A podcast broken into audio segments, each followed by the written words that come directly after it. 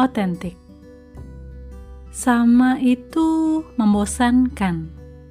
Namun banyak orang melakukan hal yang sama.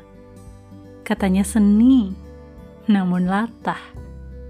Karena mungkin tergiur keuntungan yang diperoleh. Dapat ketenaran, dapat pujian, dapat cuan, dan sebagainya.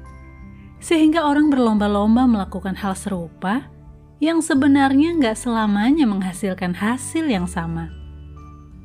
Jadilah kreatif, jadilah diri kita sendiri. Kembangkan kekuatan yang kita miliki ketimbang iri dan mencontek dari yang orang lain punya. Being authentic itu lebih asik.